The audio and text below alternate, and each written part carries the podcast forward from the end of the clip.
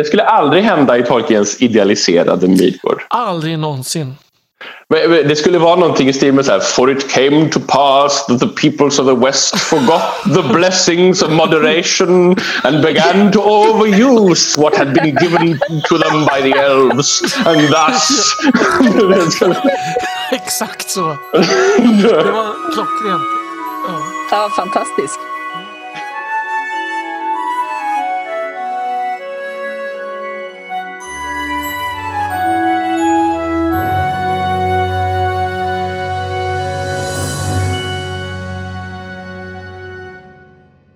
Hej och välkomna till det 44 avsnittet av Tolkienpodden.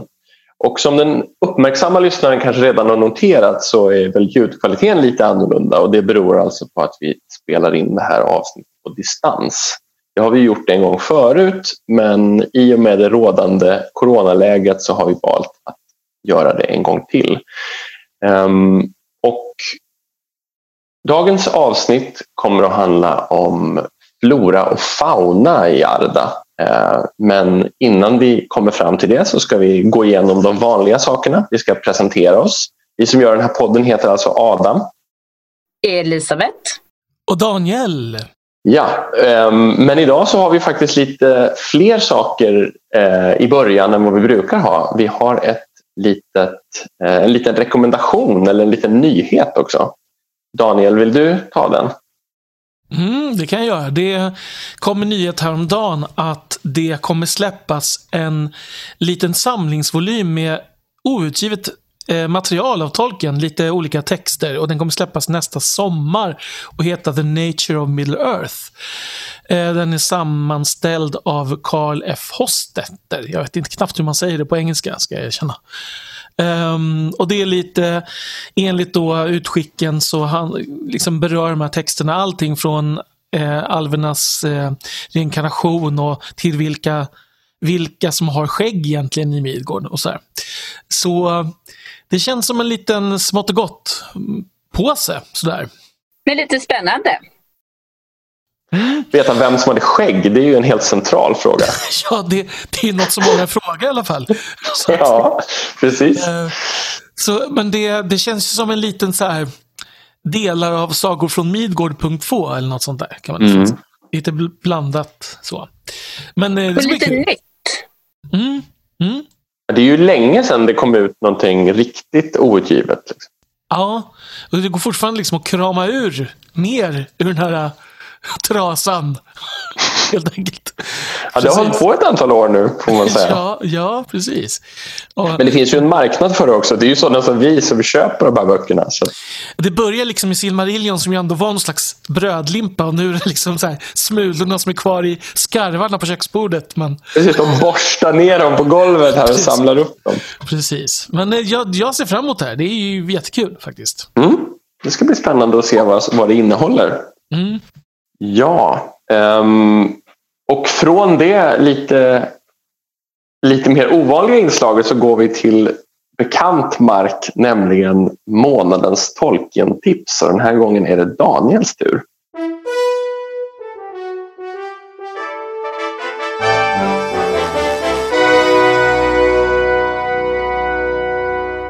Jag har funderat lite hit och dit, men sen dök liksom svaret upp här för några veckor sedan när jag upptäckte att det hade kommit en ny ehm, fanproduktion, en film, en kortfilm på Youtube som heter Horn of Gondor.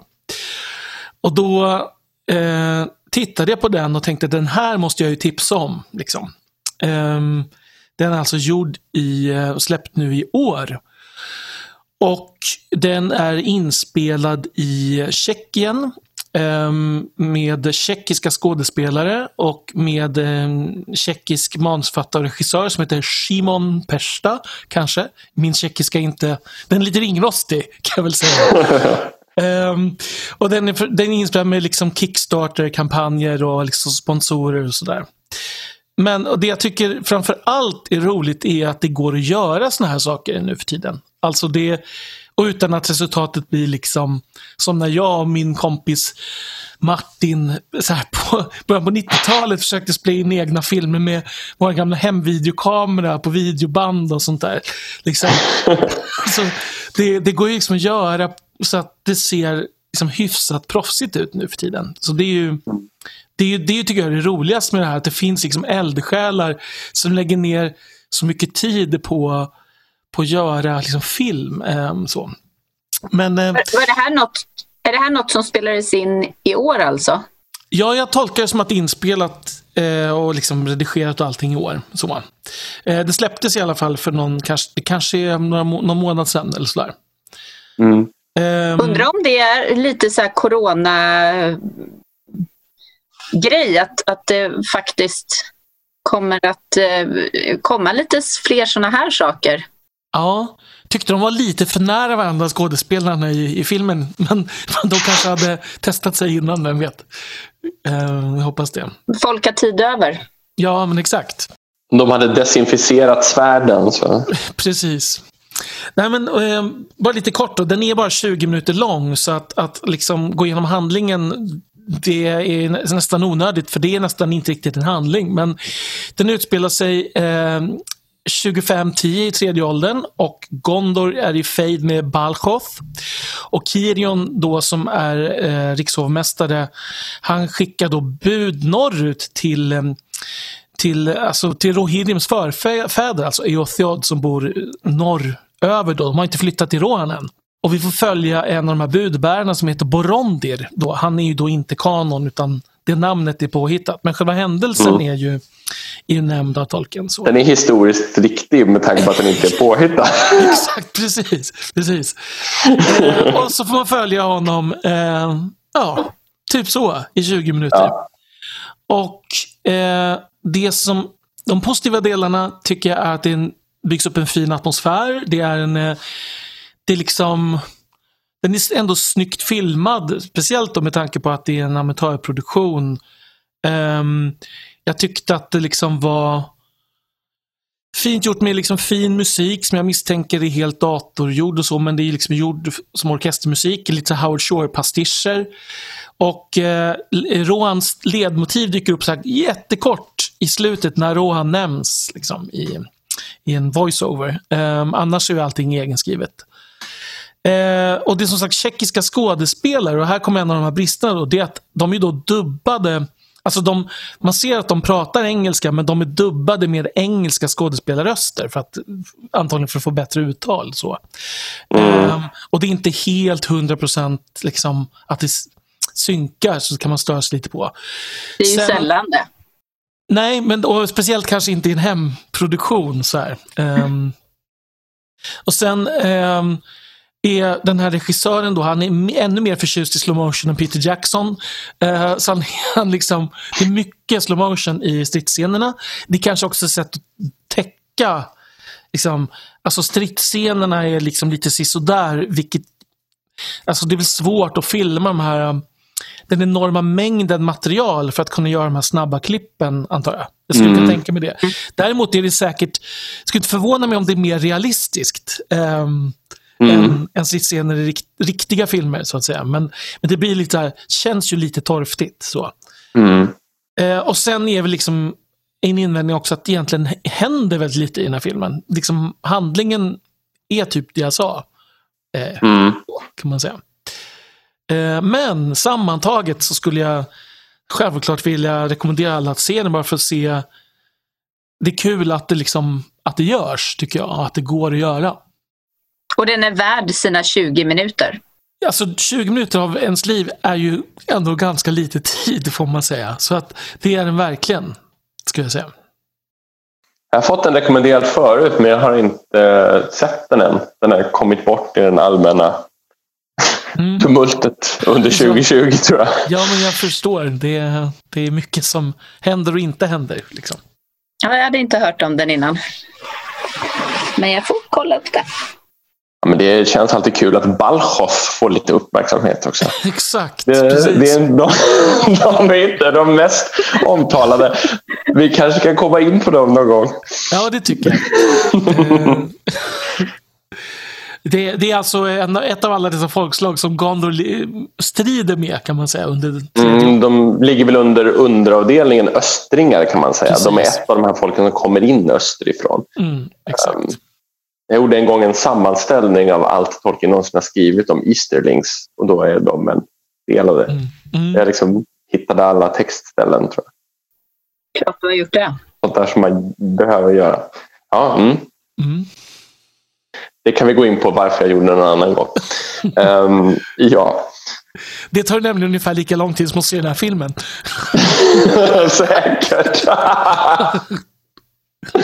ja, då, då ska jag rekommendera er att se den här filmen istället för att lyssna på 20 minuter av mig som motiverar detta.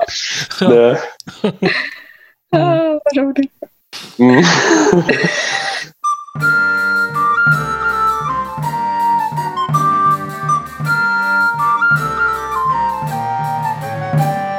Ja, nej men då har vi kommit fram till eh, dagens huvudtema. Eh, och idag så är tanken att vi ska prata om eh, flora och fauna i Tolkiens värld. Ehm, och eh, jag kanske inte är den som har grottat allra mest i det här.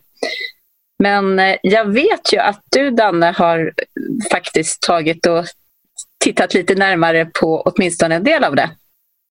Mm, jag valde Flora, helt enkelt.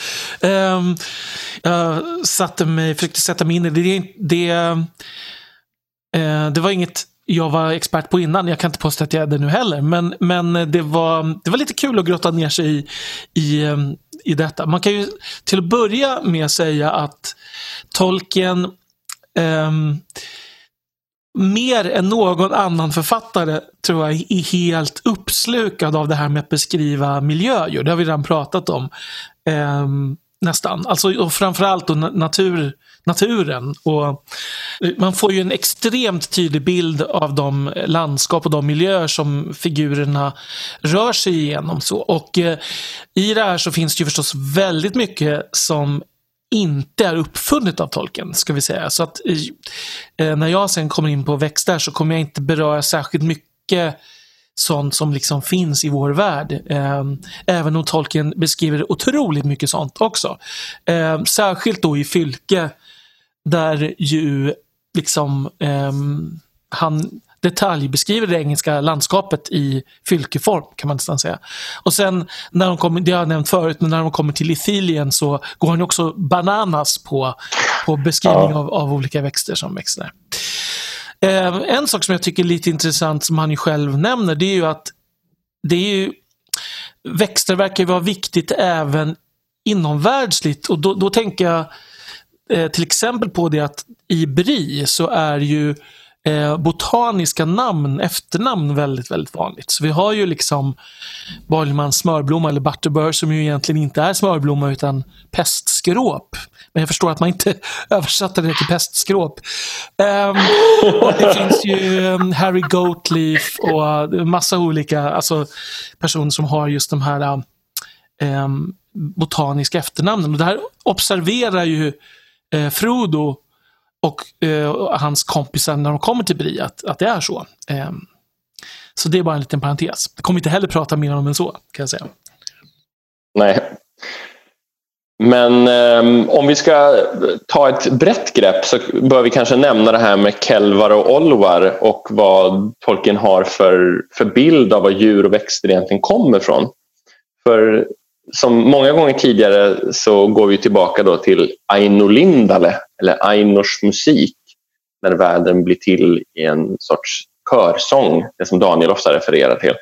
Um, och den musiken är ju som en sorts skissande av någon sorts ritningar till världs, världens utveckling och historia kan man säga. Och sen så kliver några av de här änglavarelserna in i världen och blir de här valar och majar som ska faktiskt driva den här utvecklingen framåt och bygga, bygga världens historia. Och den som är, har klart störst ansvar för det här med djur och växter är ju Javanna som är, motsvarar väl lite grann Demeter skulle man kunna säga i närmsta jämförelsen. Mm. Ehm, hon är ju liksom, och hon är ansvarig för både natur och, och mer vad ska man säga, kontrollerad växtlighet också. Uh, och, och, det står i de här tidiga kapitlen i Silmarillion att hon liksom, sår frön för att uh, växtligheten ska komma igång och att olika djur dyker upp. Och sådär. Är det allting som kommer från henne eller har hon liksom fixat med de bästa delarna av naturen och Eh, det, det, är lite oklart faktiskt eh, exakt hur stor andel. Det, det, alltså, i, I första kap, faktiska kapitlet efter Vala Quenta och sånt där så, så står det liksom om Valas stora arbete.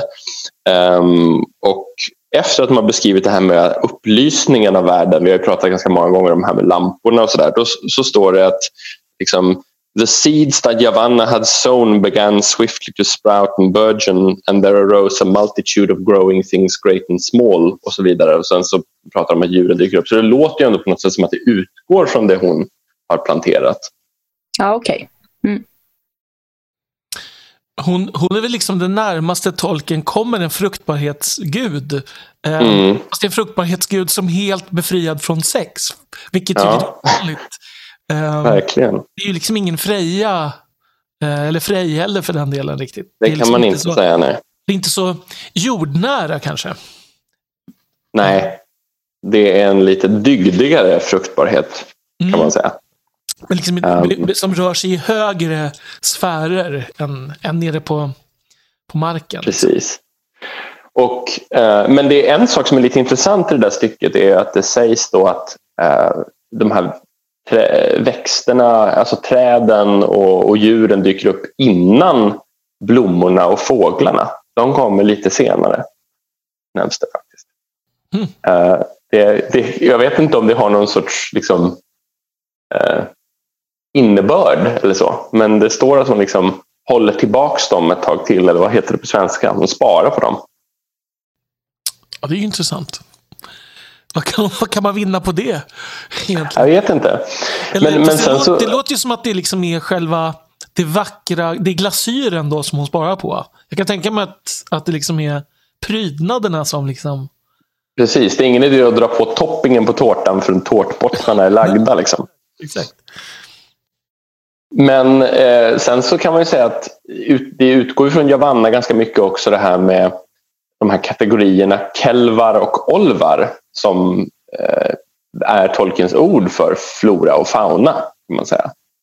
Olvar är flora och kelvar är fauna. Och det första gången de nämns i Silmarillion så handlar det just om att eh, Aule har fått skapandet av dvärgarna godkänt. Och de, Javanna är bekymrad över att de kommer att hugga träd och sådär.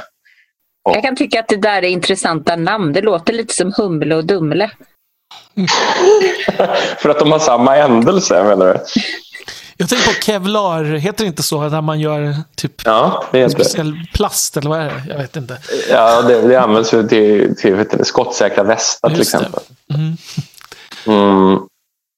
Men ehm, eh, hur som helst så är, så är Javanna orolig och hon går till Manwe med det här och Manwe kommunicerar i sin tanke med Gud, med Ilovatar och får beskedet då att eh, det kommer att finnas väktare för de här. Och då nämns bland annat örnarna men framförallt så eh, får de veta att änterna kommer och traska runt i skogarna och vakta dem. Och hon går hem triumferande till Aule eh, och provocerar honom med att eh, dina, dina skapelser kommer att behöva frukta och han säger att de kommer ändå behöva ved.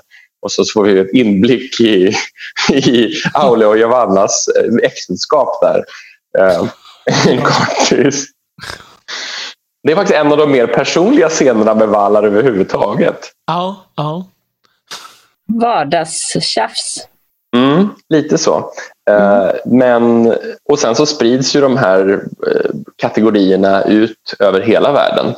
kan man säga. Så det är väl egentligen det lilla man behöver veta om bakgrunden för att annars så är det ju sig så likt vår värld. Liksom. Mm. Just det.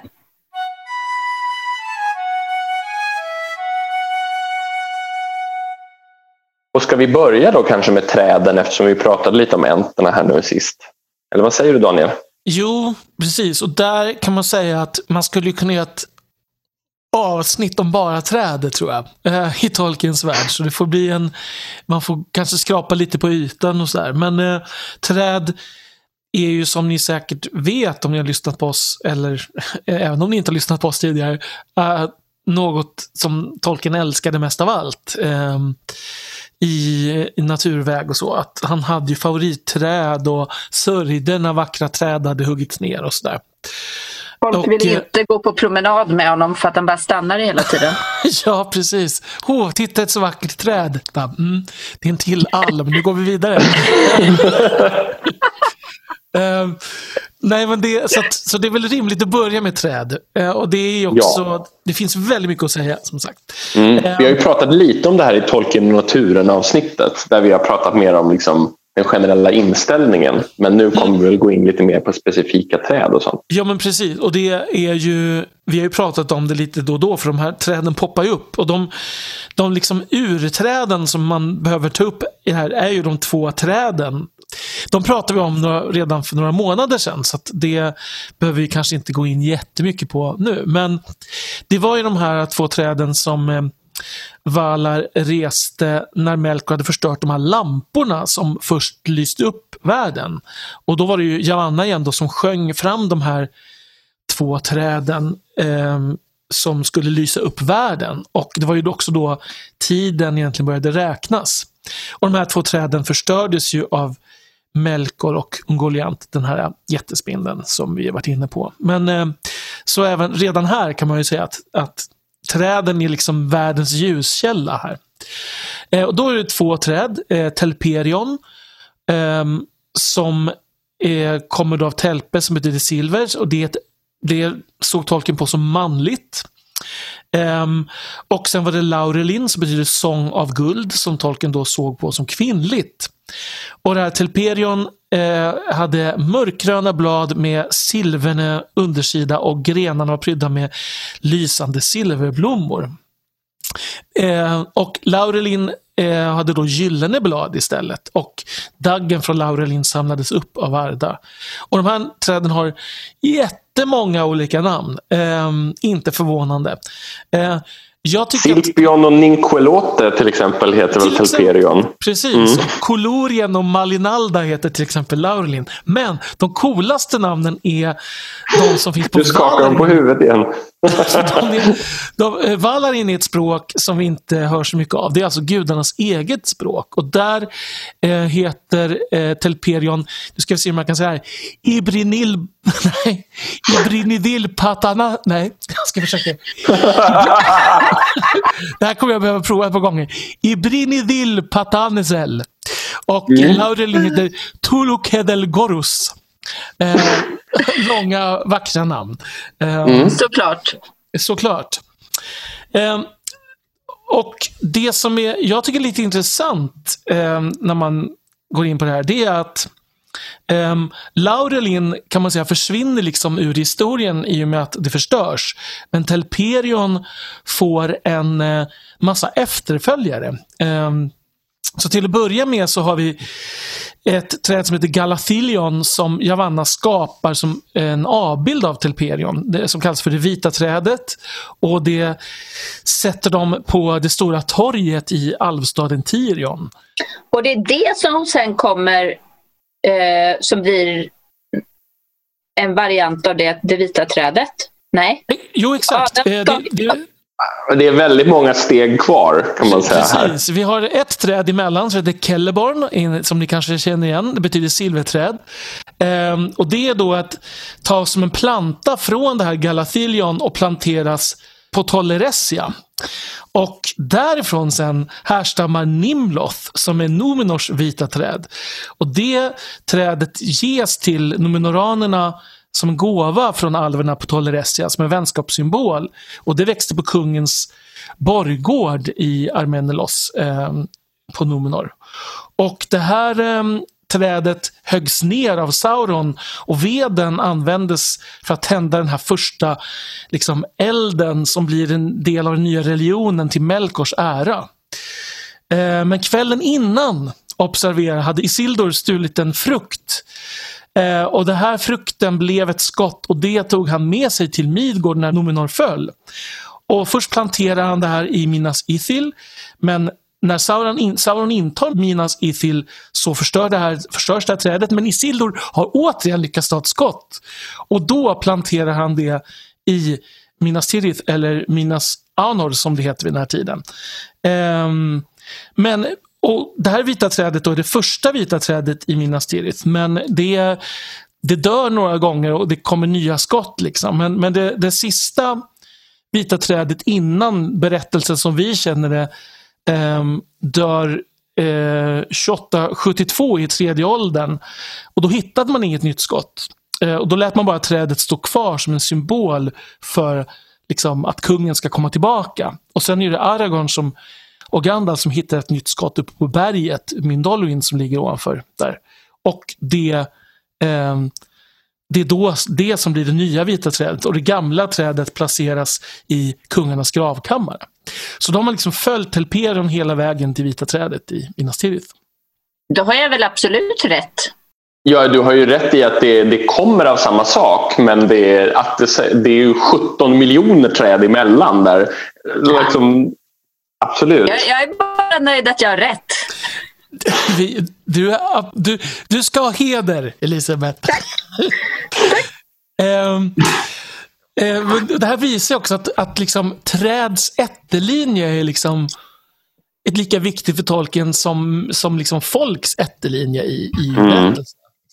Och det här är ju vad ska man säga, berättelsemässigt självmord egentligen. Alltså jag menar, vilken annan fantasyförfattares förläggare som helst skulle ha sagt gör det till ett träd som bara liksom mm. finns kvar på ett ställe. Liksom så här. Men han ska prompt ha, vad är det, elva stycken på vägen. Och sånt ja, någonting sånt där. Och alla kallas de för det vita trädet dessutom. Ja, precis. Men å andra sidan, inget av det här är ju någonting som man egentligen behöver bry sig om för man börjar gå djupare. Alltså man förstår ju... Jag tycker han liksom signalerar innebörden i det här vita trädet liksom redan i boken utan att man vet hela bakgrunden. När Aragorn liksom planterar ja. det här nya så är det som att man hittar det här skottet så förstår man att det är något viktigt. Sen har Tolkien mm. som vanligt då förklarar i liksom runt omkring material varför det är viktigt. Det är ju ja, det är ju bara han som gör sånt. Och sen att det finns på standardet till exempel. Det, här. Mm. det gör, visar ju också innebörden det har och den symboliska betydelsen. Men det känns ju ganska rimligt ändå. Absolut, I förhållande till att ha 8000 träd. Så, eh, så eh, oavsett om det är så många eller om det bara är ett. Så att det är så pass viktigt signaleras ju ändå utan att man vet bakgrunden mm. och ändå kan känna att det är rimligt med att det finns avbildat. Mm. Mm, absolut.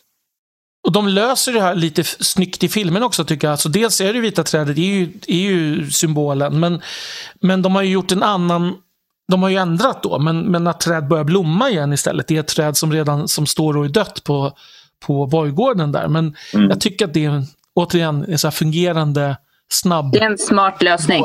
Mm. Jag menar, symboliskt så innebär det ju samma sak på något sätt. Ja, exakt. Att trädet lever vidare.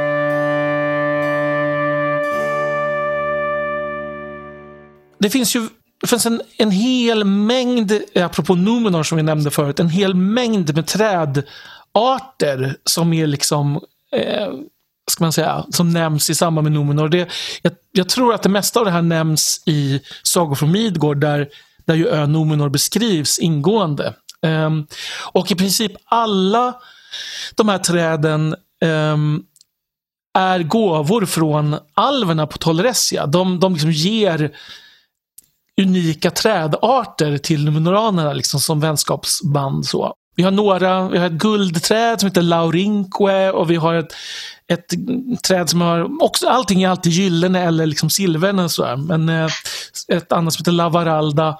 Men vi har också ett helt område runt hamnen Eldalonde som ligger på västkusten som heter Nisimaldar som betyder väldoftande träd. Så, och där är ett helt gäng av olika arter av eh, eh, som liksom som ingår där som, är liksom, som skänker så väldoft till den här stan. Vi behöver inte gå in på alla dem, men det är ett par som är lite intressanta. Och en som heter Ojolaire som betyder evig sommar, som alltså är ett träd som är grönt året om. Och det här trädet brukade Eldar sätta en gren av i stäven på skeppen som ett tecken på vänskapen med Osse och det här var en sedvänja som nomenoranerna tog över och som det ansågs alltså otur att inte följa då. Som, som sjöfararfolk så har de alltså massa, vad ska man säga, eh, lite skrockfulla saker man måste... Vidskepligheter. Ja men precis, precis. Och Oinen ska vi kanske påminna då om att de är liksom eh, majar som tjänar Ulmo. De är havsgudomar kan man säga. Och de vill man hålla sig väl med för annars ställer de till satyg kan man väl säga. Um, och sen har vi en art som heter Malinorne som också då alltså kommer från Tolressia som växer på Numenor. Och det är det som sen i Midgård då kallas för Mallorn. Och de, det behöver vi kanske nämna lite mer om. För ni har, mm. Eh, det är alltså det träd som växer i Lothlorien som ger Lothlorien dess namn. Eh, det betyder gyllene träd, Mallorn. Väldigt förknippat till Galadriel som person. Mm. Exakt. Eh, och då är det så att en nöt från en av, ett av de här mallonträden på Numenor eh, ges till Gilgallad och det är från det, den nöten som alla mallonträd i Lothlorien härstammar. De beskrivs som boklika med höga, med, höga och med släta silverstammar. Och så blad då som är gröna på ovansidan men de är silverne på undersidan. Men de blir gyllene på hösten såklart. Eh, och det som var speciellt med de löven var att de inte föll av på hösten utan de satt kvar under vintern eh, och föll av på våren då träden fick gyllene blommor istället. Så att det här guldtemat gå igen. Och det här är ju liksom hela kulturen bland alverna i Lorien bygger på det här att de bygger ju sina bostäder uppe i, i så kallade telain, alltså som är som plattformar uppe i träden. Och eh, Karasgaladon som ju är huvudstaden är ju en, upp, också uppbyggd uppe i de här enorma mallonträden. Nog kan man tänka sig att han kom på det här någon gång ungefär här i november när han var ute och kände att åh, det här är vidrigt. Ja. Alla löv har trillat. Jag ska minsann komma på ett träd som fäller sina löv på våren så att man vet att det fortfarande är vackert någonstans. Och det är, på, och det är guld fram till ja. våren dessutom. Exakt, mm. det står bara där och lyser vackert. Ja, det vore ju fantastiskt om det fanns lite mallonträd där utanför. Mm. Um, och sen de här Lembas, eh, Lembas de här bröden som de gör där, de är ju liksom inslagna i mallonlöv också för att mallonen har någon slags bevarande effekt. Vet, eh, den, den enda mallon som växer i Midgård utanför Lorien, vad är det för mallon? Är det någon som vet? Samfik. Ja, exakt. Precis.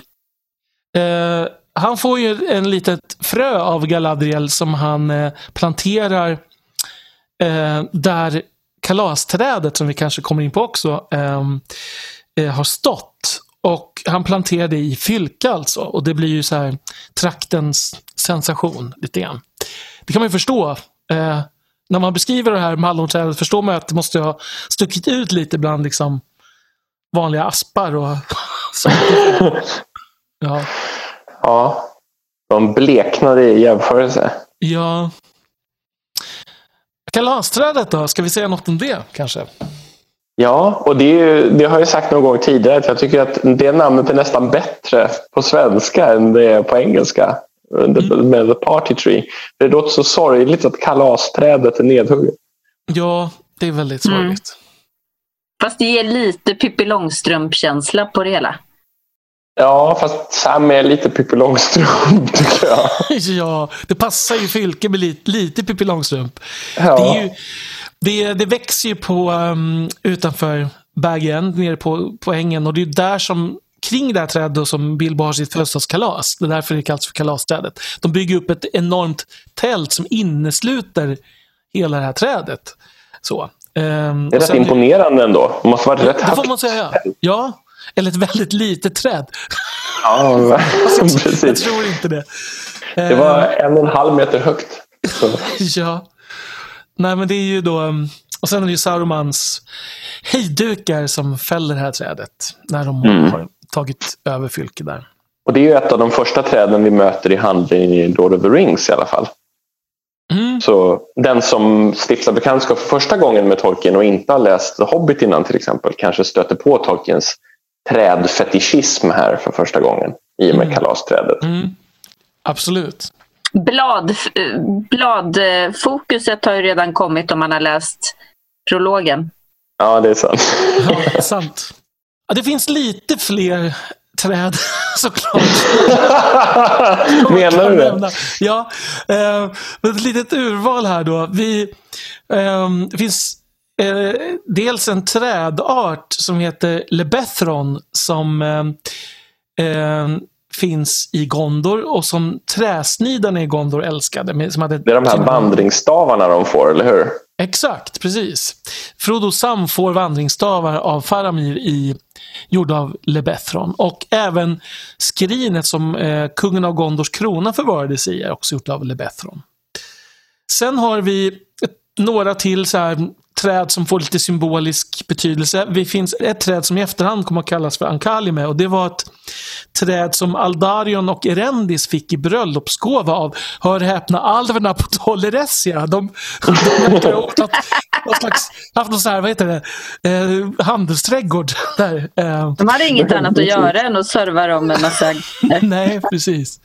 Fast å andra sidan är det en ganska lång historisk period det här rör sig om. Så att, Det är sant. Mm. Eh, och jag tror det var berömd för sin vita bark och sin raka stam och det planterades i Aldarions trädgård eh, på Numenor och grå fåglar sjöng i grenarna. Och sen när Erendis eh, hade övergivit Aldarion då högg han ner alla träden i trädgården men han skonade just det här trädet och det var då han döpte det till Ankalime efter sin dotter. Och sen eh, har vi ett träd som heter Hirilorn ehm, som betyder damens träd. Och Det är en enorm bok som växer nära eh, Menegroths portar i Doriath.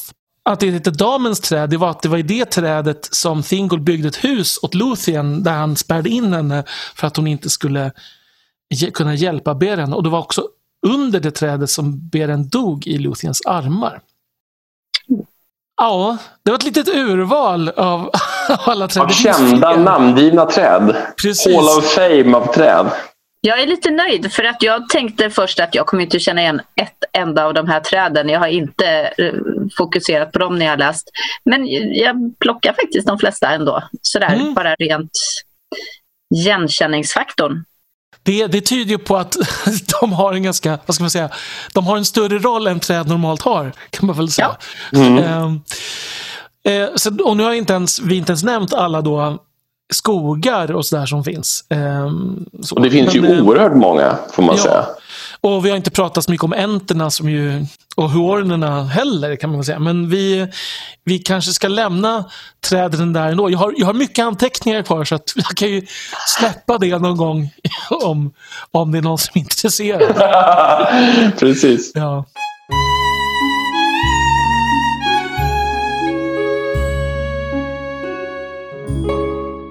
Ja, nej men då har vi ju faktiskt eh, tagit oss eh, igenom otroligt många träd på ganska kort tid. Eh, ska vi gå vidare till de här små eh, glädjespridarna som eh, växer lite närmare marken? Blommorna. Ja, precis. ska vi, det ska vi absolut göra. Ehm, det, det finns inte alls lika mycket. Man märker att, att Tolkien var mer intresserad av, av stora, ehm, stora växter än små. Men det finns ju några. Och det, jag tycker eh, En sak som jag tyckte var intressant som jag hittade i eh, den här samlingen Letters eh, i brev 312 eh, till Amy Ronald. Och eh, Då finns ett citat där och det är översatt av Beregond då. Jag har inte sett något som omedelbart för tanken till Nifredil eller Elanor eller Alfirin.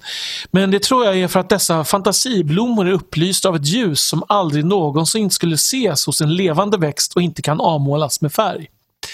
Vilket ju tyck, jag tyckte var lite intressant för det visar att det finns någon slags magiskt skimmer kring de här växterna ehm, som som inte finns i verkligheten. Och det, det säger ju någonting om hans syn på hela hans värld, så tänker jag. Ja, verkligen. Mm, och någonting om hans inre liv.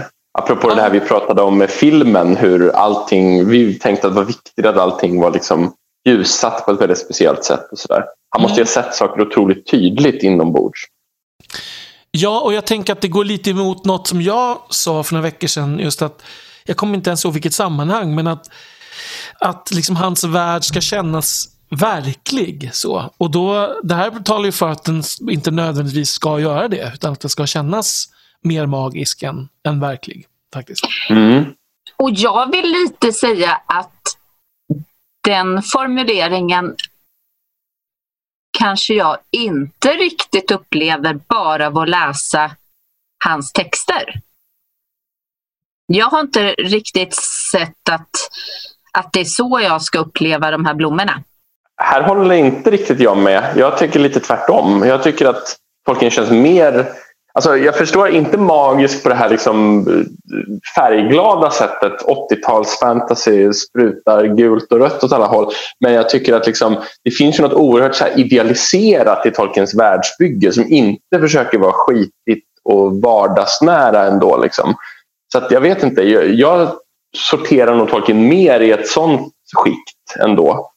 Eh, av någon typ av så här där, där världen är någon sorts idealiserad återspegling av vår värld snarare än tvärtom.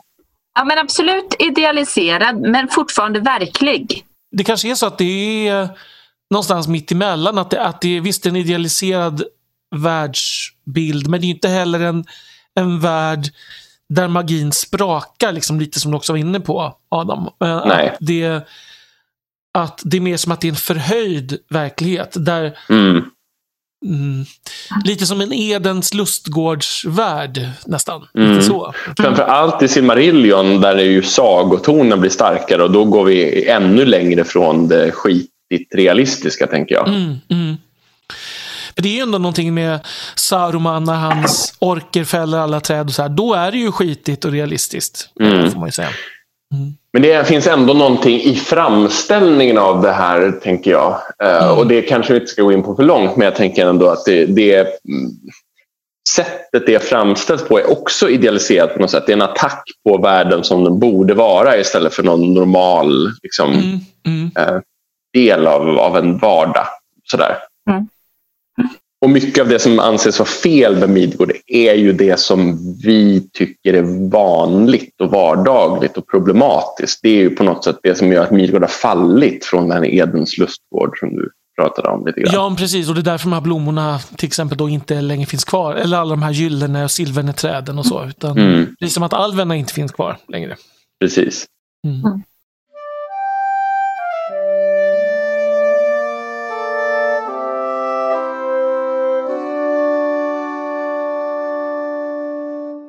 Ja, ska vi titta lite närmare på de här, några av de här små blommorna? Men det ska vi ju.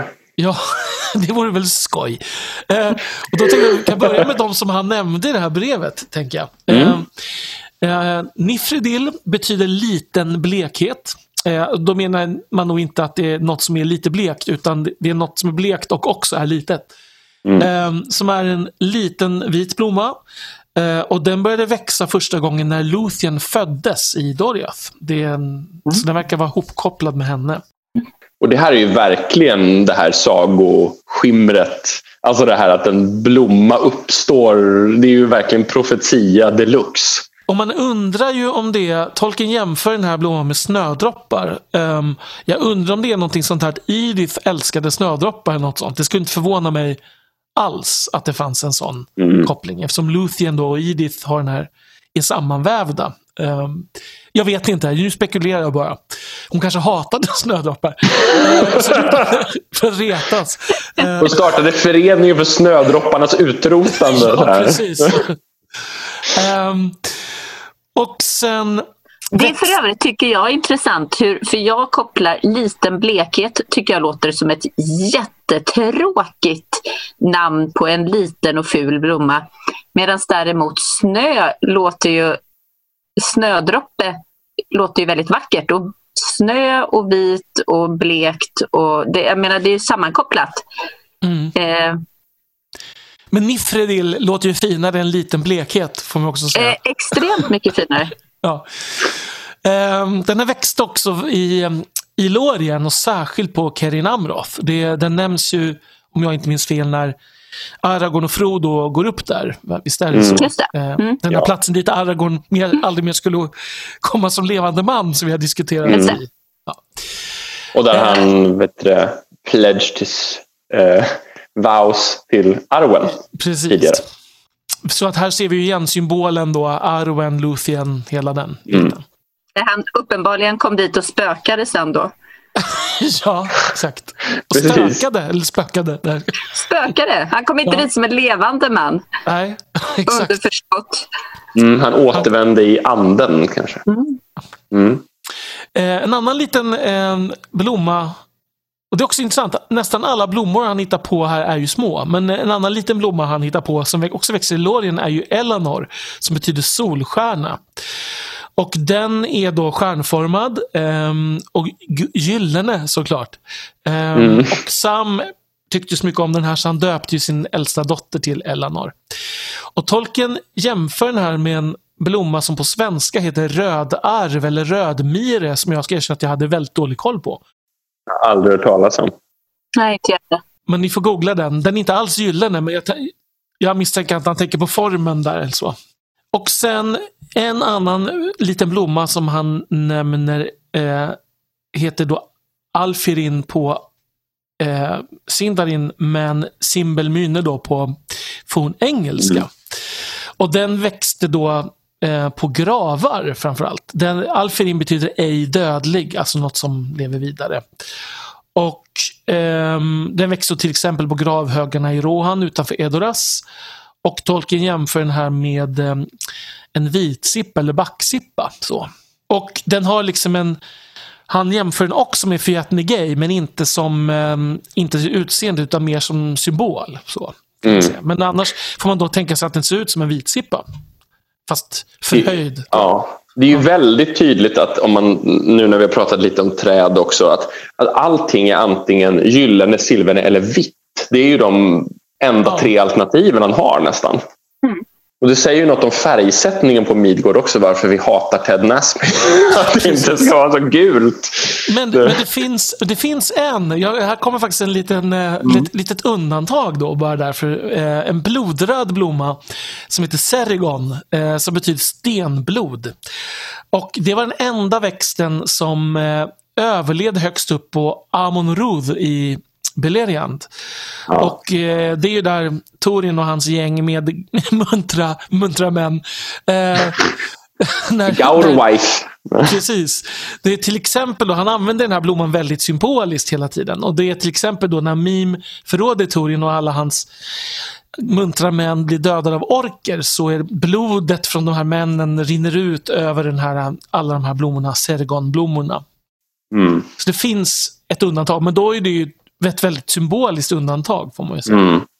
Och det, är ju, det förebådar ju lite vad som ska hända i berättelsen. Liksom att Ja, kullens precis. topp är dränkt i blod redan innan det faktiskt Exakt. bokstavligen Ja. blir det. Ja. Det finns lite andra blommor också, men jag tänker hoppa vidare till örter. Eh, och där har Ja. vi två stycken som är väldigt viktiga. Eh, jag skulle säga att den allra viktigaste örten som nämns i böckerna är ju pipeweed. Mm. Som eh, heter Galenas, måste man väl alltså säga på Sindarin. Betyder ju sötdoftande ört. Eh, och den var känd för sina väldoftande blommor. Eh, föredrog varma klimat och den togs till Midgård av Numenoranerna under andra åldern.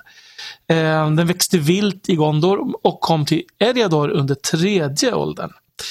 Och där eh, kom hobbitarna i bry på att man kunde torka den här och stoppa ner dem i pipa och börja röka. Eh, och från bryhobbitarna så spreds den här då till människor och dvärgar och trollkarlar. Men det här var ju något som hobbitarna i Fylke och då särskilt Mary som skrev en avhandling om det här tyck, eh, som de tyckte var viktigt. Det var att det var i Fylke som man började odla den. Så. Mm. Och då var det eh, gamle Tobold hornblåsare i Långbotten som började odla den här eh, 1070 enligt fylkets tideräkning. Old Toby. Precis. Så där finns ju då olika sorter, bland långbottenblad och så Old Toby och någon som heter Söderstjärnan som, som de odlade. Och det här är ju då, speglar ju då Tolkiens egen vad ska man säga, fäbless för piprökning. Eh, mm. Men det är mycket piprökning i böckerna. Här säger han väl till och med i prologen att det här faktiskt är tobak. Ja, precis. En, en variant åtminstone av våran nikotiana. Det har ju hänt då och då att folk vill koppla samman det här med andra typer av rökning, så att säga. Eh, precis. Det är ju direkt fel, får man ju säga. Även mm. om man då om man översätter gallernas till sötdoftande ört så känns det återigen mer som någon slags annan rökbar substans. Men eh, vi får lita på tolkens ord här att det är tobak helt enkelt. Mm. jag har sett folk ibland påtala det men, men det, det stämmer helt enkelt inte. Det är ju mm. det är en av de här liksom, mytbildningarna som finns. Eh, som verkar liksom, men den har också spett på lite av, eh, av filmerna ju. Mm. Och sen har jag en ört kvar, någon som kan gissa vilken det är. Kan det vara Athelas? Det är rätt. Um, som ju också kallas för Kingsfoil eller Assea aranion. Uh, också behaglig doft. Det är också väldigt tydligt att allting ska ha en behaglig doft. Ehm, och helande kraft då, att den kunde läka sår, motverka gift och kunde också motverka liksom, attacker då av den här svarta andedräkten från de svarta ryttarna. Och precis som eh, eh Pipeweed så växte den på Nomenor och fördes till eh, Midgård av Nomenoranerna. Och i slutet av tredje åldern så hade man liksom glömt bort dess användning så att det var bara utbyggsjägarna som kände till att den hade den här helande kraften. Däremot så var den ju fortfarande uppskattad för sin väldoft. Och det verkar vara någonting med den här doften att den, att den är individuellt upplevd. Att man, för alla som beskriver doften beskriver den på olika sätt. Som att de hittar någonting eget personligt, trevligt och behagligt som de associerar till. Mm. Det är lite intressant, tycker jag. Verkligen. Um, det tyder ju på att det är någonting mer... Det är inte bara Wunderbaum liksom. Nej, och det verkar vara något lite över, övernaturligt nästan mer. Av alla väldoftande saker du kunde komma på. Ja, alltså jag, jag citerar faktiskt mig själv sen tidigare. Jag hittade inte på det i stunden. Men ja. det, mm. Varför, varför citera någon annan än sig själv? Ja, precis. När man redan har nått toppen. Så... Exakt. Exakt. Då är jag ett steg nedåt. Ja. Ja, men den här, och den här är ju Aragorn då som framförallt använder i, i böckerna. Han helar ju Frodo och han använder ju helandets hus i efter kriget där också. Eller ja, mitt uppe i kriget. Jag tycker faktiskt att det nästan är konstigt när den är så användbar och, och kommer in i berättelsen så många gånger att ingen har åter... Att man har glömt bort den? De här ans, mm. ja, användningsområdena. Men sen undrar man om det är så att den också krävs att det är någon som ha blod av rätt art i mm. ådrorna för att den ska funka. Jag vet inte. Det verkar ju finnas lite det kring det här med kungshänder och helarhänder och allt det där. Mm. Liksom, att det är också kopplat till en profetia lite grann. Mm. För annars är det lite som oj, vi glömde bort antibiotika. Ja. ja. Det kanske blir... Men, men nu, nu, var det så att vissa, vissa folk i Midgård använde för mycket Athelas så alla blev så resistenta mot dem. och sen när den svarta andedräkten kom tillbaka så dog alla. Athelas så... resistenta svarta andedräkter alltså? Ja, precis. Det är pandemianpassade skolor. ja. Ja, men var, det är, jag, jag, måste ju verkligen tacka och bocka för all denna information. Danne. Du, du har ju hunnit sätta dig in i små detaljer som eh, gav någonting i varje liten gren och kvist. Oh, snyggt Aha. formulerat. Eller hur? Ja, verkligen. Ja, tack så mycket. Eh, och då är, är vi egentligen klara här med med Olvar. Mm. Ja. Går in på Kelvar. Och då är det väl eh, Adam som mm. har fokuserat lite mer på det här. Ja, precis. Det är det. Jag upptäckte ju, på, eller upptäckte, men kom att tänka på på en gång när jag började titta på det här att det är ju inte helt lätt att göra en gränsdragning mellan det här segmentet och det här om eh, vidunder och, och sånt där som vi tog upp tidigare. För att var går gränsen mellan monster och djur är inte alltid helt tydlig i Midgård kan man säga. Så en del saker som eventuellt skulle gå att ta upp här har vi ju redan pratat om, till exempel eh, jättespindlar och borgs och den här typen av saker.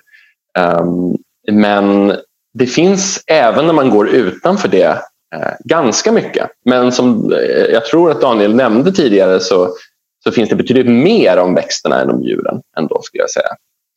Och mycket av det man kan säga om djuren är ganska smalt. Eh, de kommer inte in i historien lika mycket som växterna.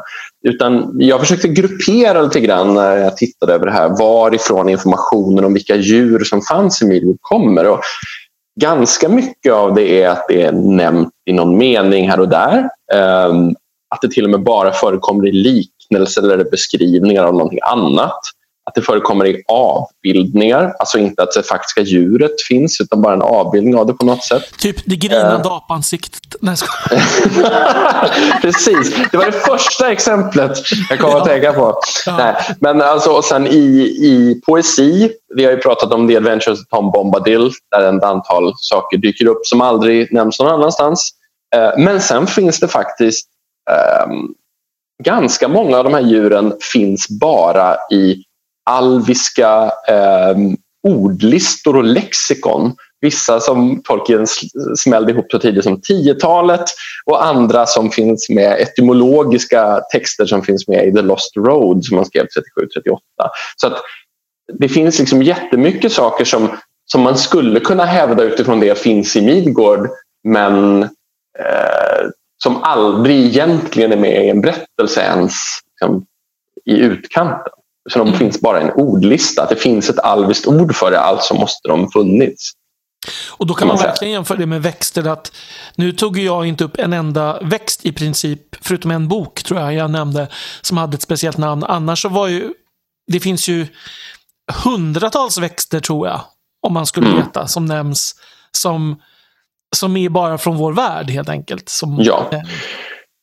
Och det är ju grejen med djuren också. Det är ju mm. så här, man, man kan ju säga så här som, som inledning att det verkar ju som att i princip alla djur som finns på jorden också finns i Midgård i motsvarande regioner och att de djur vi möter i berättelsen det finns undantag men majoriteten är ju någon typ av varianter på europeiska djur.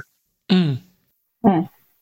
Framförallt kanske engelska. Då. Um, så det är inte så intressant att rabbla upp att det finns grävlingar och det finns uttrar. Och det finns, alltså, så, utan det kommer vi inte göra. Utan eh, vi kan titta lite på några saker som, som sticker ut kanske, tänker jag. Mm. Och Först och främst då så kan man säga att det finns eh, man tänker ofta på Midgård som en väldigt europeisk region. Men om vi går till såna här konst, lite mer konstiga källor så kan vi till exempel få reda på att det troligen finns eh, lejon, leoparder, eh, apor, gamar, kameler och zebror i andra regioner av Arda så att säga. Vilket låter um, helt rimligt. Ja, absolut. Mm. Det är, en av de roligaste är ju då, tycker jag till exempel, att man kan dra slutsatsen att det finns kameler i Midgård för att det finns med på den officiellt godkända kartan. Det finns en kamel ritad i Harad. Och då måste det finnas kameler, plus att det finns med en ordlista över alviska från 10-talet. Men eh, kamelen har väl tolken antagligen själv ritat, eller? Nej, det är Pauline Baines som ah, har ritat den och ah, den har okay. godkänt den. Ja, okej. Okay. Mm. Då, då, där sjönk liksom bevisgraden ändå, tycker jag. Ja, eh. precis. Um, men det, det, det, är faktiskt en diskussionsfråga. Men i alla fall, och sen så finns det en del sånt där som bara nämns eh, i väldigt smala källor som så här, Book of Lost Tales och dras eh, Ulmos eh, färdmedel av sjölejon och narvalar och så här. Så att man kan göra en jättelång sån här upplistning. Men... Ehm, mm?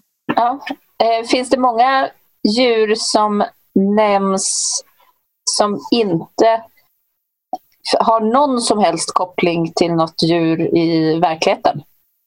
Jag skulle säga att det finns kanske ett som inte har någon tydlig motsvarighet eh, överhuvudtaget. Och det är, eh, apropå det här med färger, det är de små blodröda fåglarna Kirinki från Numenor. Eh, och den enda kopplingen han gör är att de var ungefär samma storlek som en gärdsmyg. Eh, jämfört med... Um, Men han, han, det är i samma texter då antagligen som alla de här träden från Numenor nämns. Ja, precis. Mm. Och eh, de, de, är små röda fåglar, men i princip allting annat. Um, det finns några enstaka små smala grejer som kanske skulle kunna sägas vara lite frikopplat, men i princip allting annat är riktiga djur eller liksom djur som är varianter på det. Uh, några av de saker som inte finns i verkligheten är ju då Kräbain, de här eh, kråkorna från Dunland och Fangorn Eh, de, de framstås, framställs ju som kanske lite mer intelligenta eftersom de verkar spionera för Saruman. Eh, och vissa tolkar dem som större också. Sen har vi då den, det kanske tydligaste exemplet är The Great Eagles som ju är tydligt kopplat till riktiga örnar men de är ju gigantiska eh, och de är uppenbart mer avancerade, de talar, de har egna politiska hierarkier, de lägger sig i liksom, eh, olika världshändelser på olika sätt. Sådär. Och eh, sen så, och eh, de finns med både här och där i berättelserna. De kopplas ju ofta tydligt till Manwe och blir hans representanter. Det finns tre örnar som brukar sitta liksom på Meneltarma, det här höga berget på Nomenor och är liksom Manwes vittnen och de flyger över där vid viktiga liksom, händelser och sådär. Så att de, de är ofta blir en symbol för Manoe och liksom, makten i väster. Um, och sen finns det ju en del av de här örnarna där, som har väldigt viktiga roller i berättelsen. Till exempel Thorondor i Silmarillion och Gwaihir i tredje åldern. Um, och en fråga då är hur stora är de här um, Forondor beskrivs som att han har ett vingspann på över 50 meter. Så det är ganska stor. Det måste man säga. Men han är ju troligen den största någonsin. Och att de andra är säkert betydligt mindre men, men det säger ju ändå någonting om hur mycket Det säger jättemycket. Mm. Precis. Um, och, så de, de är några av de viktigaste djuren kan man ju säga. Och det är nästan så att de har en roll så att de in, nästan inte framställs som djur längre eftersom de har den här väldigt aktiva rollen och beter sig på ett mycket mer vad ska man säga, samhällsvarelsesätt kan man väl säga. Eh, de verkar liksom inte leva i, eh, i skogen och bara liksom dyka förbi då och då utan de, de har verkligen en roll i skapelsen speciellt. Ja, när det gäller andra speciella djur så har vi Momakil, eh, alltså olifanterna. Och de är ju tydligt kopplade till våra elefanter men de sägs vara liksom mycket, mycket större och liksom äldre. Så. Eh, kanske lite mer blodtörstiga framstår de kanske också. Vår världselefant är ganska lugna djur. Alltså lite um, som eh, en medeltida bild av hur en elefant precis. var i Europa. Precis, det kan man ju säga. Um, sen har vi ju då Mearas uh, som är... Um, hästarna. Hästarna, precis. Och det är ju ett anglosaxiskt ord helt enkelt. Uh, det betyder bara hästar. Uh, singularet är mear men det nämns aldrig i, um, i texten. Och de Samma sägs att de... Mär, ju. Mm, precis. Och det sägs att de stammar från eh, Orromes hästar. Eh, och de är liksom speciella hästar på så sätt att de är extra snabba, de är extra visa. Vissa verkar till och med förstå mänskligt språk som Felaroff eh, som blir Eorls häst. Ehm, eller eh, Shadowfax. Ändå. Ehm, och de, de lever också längre än vanliga hästar. Ehm, och man kan ju säga det med, med dem och de stora örnarna och Momakil att de är ju på något sätt så här förstorade eller förhöjda djur från vår värld. Det är lite sådär som riktiga äldre mytologier fungerar. Att man tar djur och gör dem till någon typ av eh, mytiska varianter av sig själva. Det tycker jag alla de här är någon sorts tolkning av. Och det finns ju fler sådana där, så här, The Boar of Everholt eh, som är en gigantisk vildsvin som dödas av rohiriska kungen Folka. Det är verkligen, känns ju som en sån här Herakles-dåd nästan. Det här att mm. strida mot ett stort vildsvin. Och, jag menar, Obelix också. Ja, precis. Ja. Um, och Sen så finns det liksom det, det, finns ju då talande djur också. Och Det är ju en av såna här, det är inte lika dominerande som det är hos C.S. Lewis men det dyker upp ett antal gånger. De flesta av de gångerna är ju i The Hobbit eh, där det finns starka så här, folksagomotiv. Ehm, och då, det är ju till exempel Beorn som talar med sina djur. Det är eh, självklart korparna som talar med dvärgarna. Ehm, det är vet du, ulvarna eller the wargs som pratar med varandra och som Gandalf förstår uh, och som verkar ha ett nära samarbete med orkerna. Men sen finns det faktiskt några enstaka tillfällen utanför The Hobbit också, till exempel örnarna um, och Huan framförallt i Hunden från Silmarillion. Um, det är så... talan va? Mm, precis.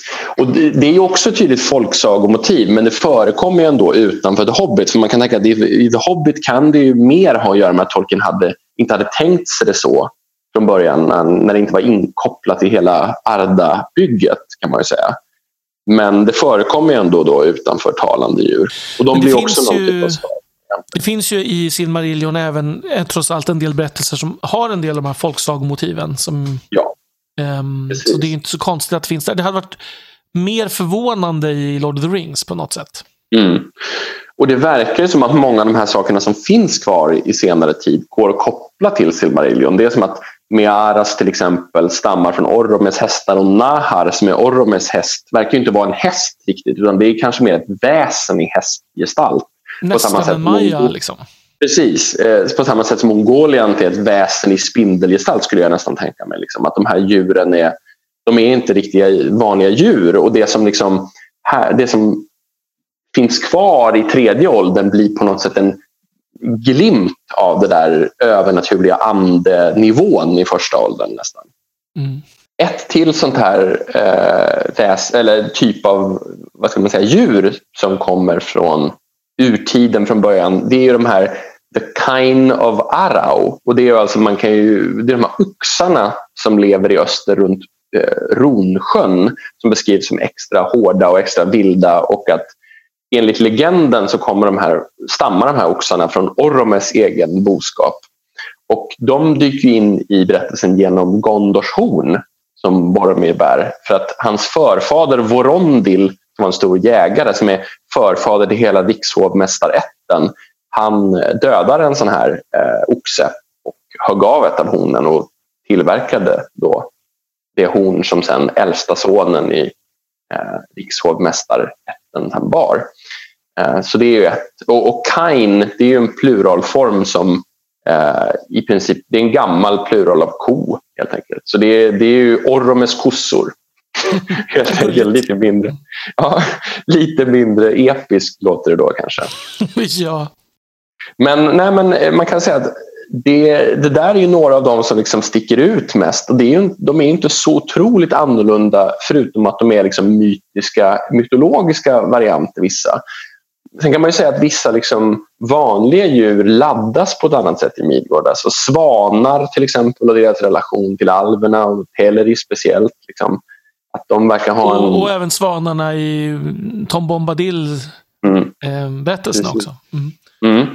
Och sen så kan man säga att Tolkien använder eh, djur ibland som symboler för vad som ska eh, hända i handlingen. Man kan säga att i, eller som en, som, ja, men åtminstone som symboler. För till exempel djuren i, i Mirkwood, de blir svarta när mörk, gradvis när mörkveden förmörkas och det finns gigantiska svarta malar och svarta ekorrar och massa sånt där. Um, och på samma sätt så um, svanarna uh, i, vid södra Anduin blir också svarta. Um, liksom när mörkret i Mordor växer. Kan man säga. Mm. Och det finns ju svarta svanar i verkligheten men det var sannolikt inte de Tolkien syftade på för de stammar ju från Australien. Så det tror jag inte var hans. Nej, det verkar osannolikt. Men I övrigt så, så är det som sagt det är väldigt, Eh, väldigt likt vår värld. Eh, några enstaka små grejer man kan nämna är väl kanske insekterna. Eh, det nämns i The Book of Lost Tales att det finns någon sorts glowworms ehm, som beren associerar till.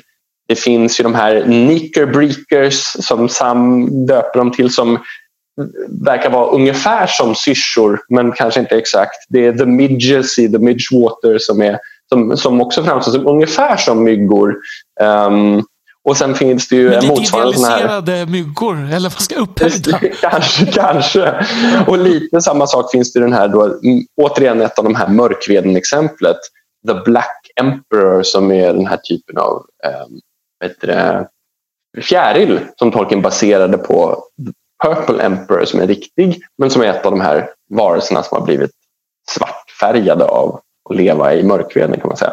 Men, men överlag så är det verkligen så att det finns någon typ av idealisering eller förhöjning av många av djuren. Vissa blir gigantiska, vissa talar. Samma sak med de här monsterdjuren som vi pratade om tidigare med works och spiders och sådär. Men egentligen så är det mer, det är mer som någon typ av medeltida eller folksageperspektiv på djur där, där det är naturligt att vissa av djuren är större och farligare och häftigare och mer magiska. Men egentligen så är det väldigt kalkerat från den verkliga världen.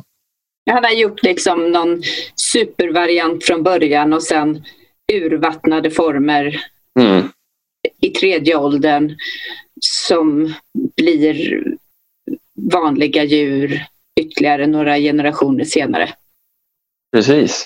Ja. Och, och, man kan väl säga det att, att vissa djur verkar ha liksom vara starkare präglade av det här övernaturliga. Spindlarna är ju sådana där alla spindlar tolken skildrar skiljer sig ganska mycket från verkliga spindlar. Att det finns någon övernaturlig dimension där eh, som är starkare. Medan till exempel de vita vargarna som invaderar Fylke de kommer uppifrån någon sorts arktisk region och där känns det mer som någon typ av naturlig förklaring att de är vita. Precis som eh, sådana liksom, arktiska rävar i verkligheten eller något sånt där. Så.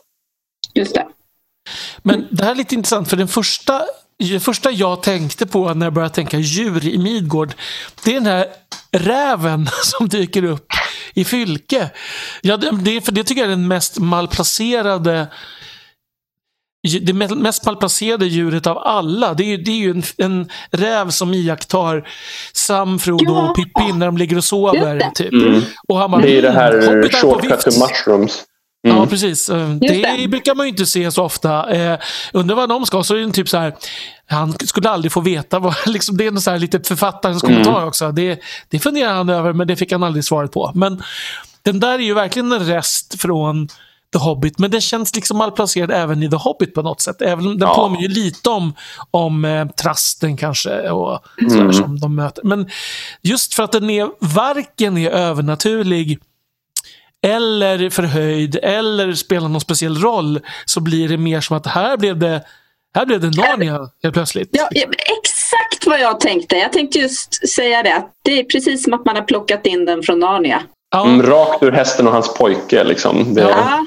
Ja, det är lustigt mm. det där. Eh, det är, det är liksom charmigt. Eh, och jag är glad att det är kvar. För, för att det är lite mm. så här skojigt på något märkligt sätt att den mm. ligger upp där. Eh, Verkligen. Sen tänkte jag på en, en, annan sak där du sa mera som ju, som ju eh, är liksom, blir ju Rohirrims symbol. Det är det här mm. som eh, Tom Chippy säger ju att, att Rohirrim, de är som anglosaxer med hästar. Liksom, mm. I princip. Eh, men det är också intressant att symbolen för Rohirrim det, näst, det blir symboliskt i sig att det är en, en häst, alltså något väldigt levande. Medan symbolen för Gondor är ett dött vitt träd. Mm. Eh, det har inte jag tänkt på förrän nu. Att, att det liksom är, det säger någonting om var de här två olika civilisationerna befinner sig i, i någon slags kurva. Vart de är på väg, ja. ja. Det, prat, det är många som har gjort den tolkningen, det här liksom att det nya medeltida på väg in med det här unga Rohan mm. bland annat och gamla döende liksom, resten från antiken Gondor. Liksom. Mm. Det kanske vi kommer att prata mer någon gång om. Men, men du tar upp en intressant sak där igen tycker jag som man kan säga någonting om och det är det här med avbildningar. Um, det finns en del varelser som förekommer mycket mer i avbildningar än de gör i berättelsen på något annat sätt. Till exempel olika typer av ormar finns ganska mycket på standard. Eh, men i princip inte alls förutom de var drakar. Då, liksom. Men det är inga vanliga ormar nästan i berättelsen alls. Eh, vi har de här liksom, statyerna vid Kiris Ungol som har gamhuvuden men vi ser inga gamar i berättelserna. Så. Um, vi ser lejon på olika alviska standard men de är i princip inte med.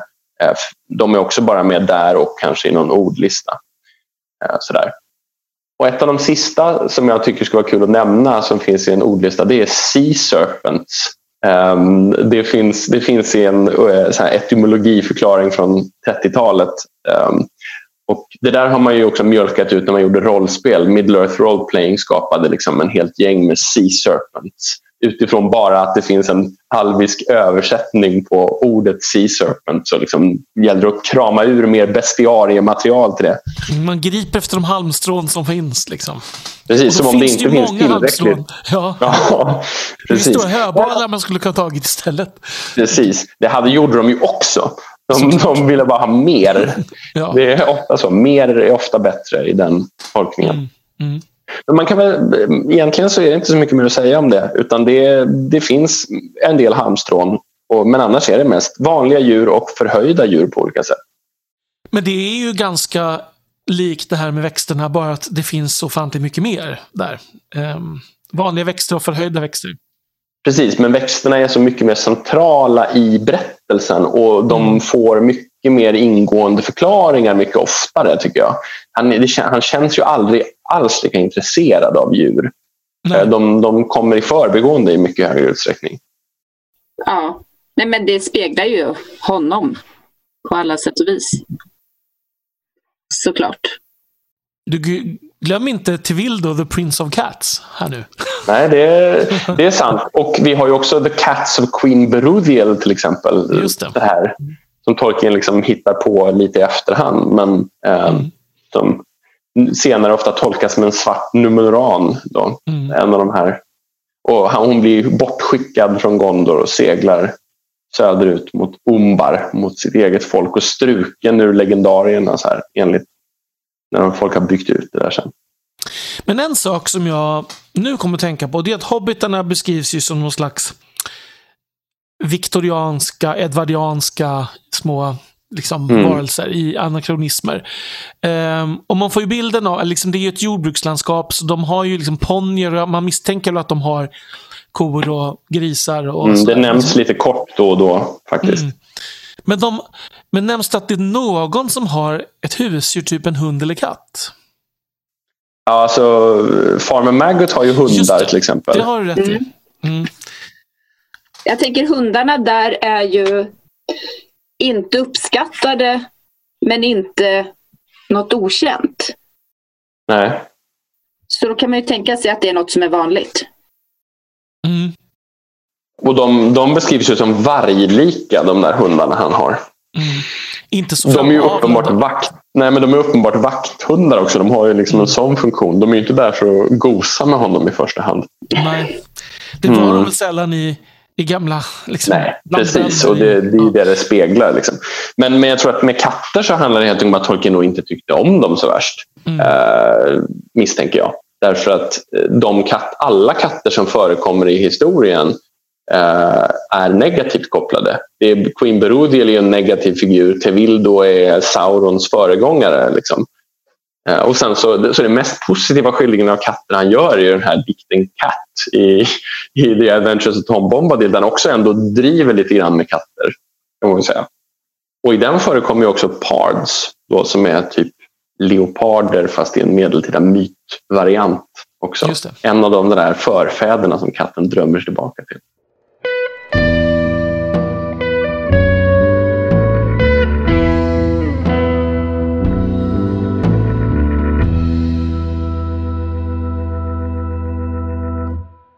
Jag tycker att det är alltid intressant när man tar ett sånt här ämne och så försöker man liksom koka ner det lite och sammanfatta. För att man, man kan ha en bild, jag kan ha en bild innan och sen det sväljer, liksom, det sväller ut, eller i mitt fall, det här med växterna och det där. Jag visste ju att det var mycket träd, men det var fler träd än jag trodde. Liksom. Mm. Um, men med djuren kanske är tvärtom, att det, man blir lite förvånad över att det inte liksom är mer specialvarianter. Mm. Liksom.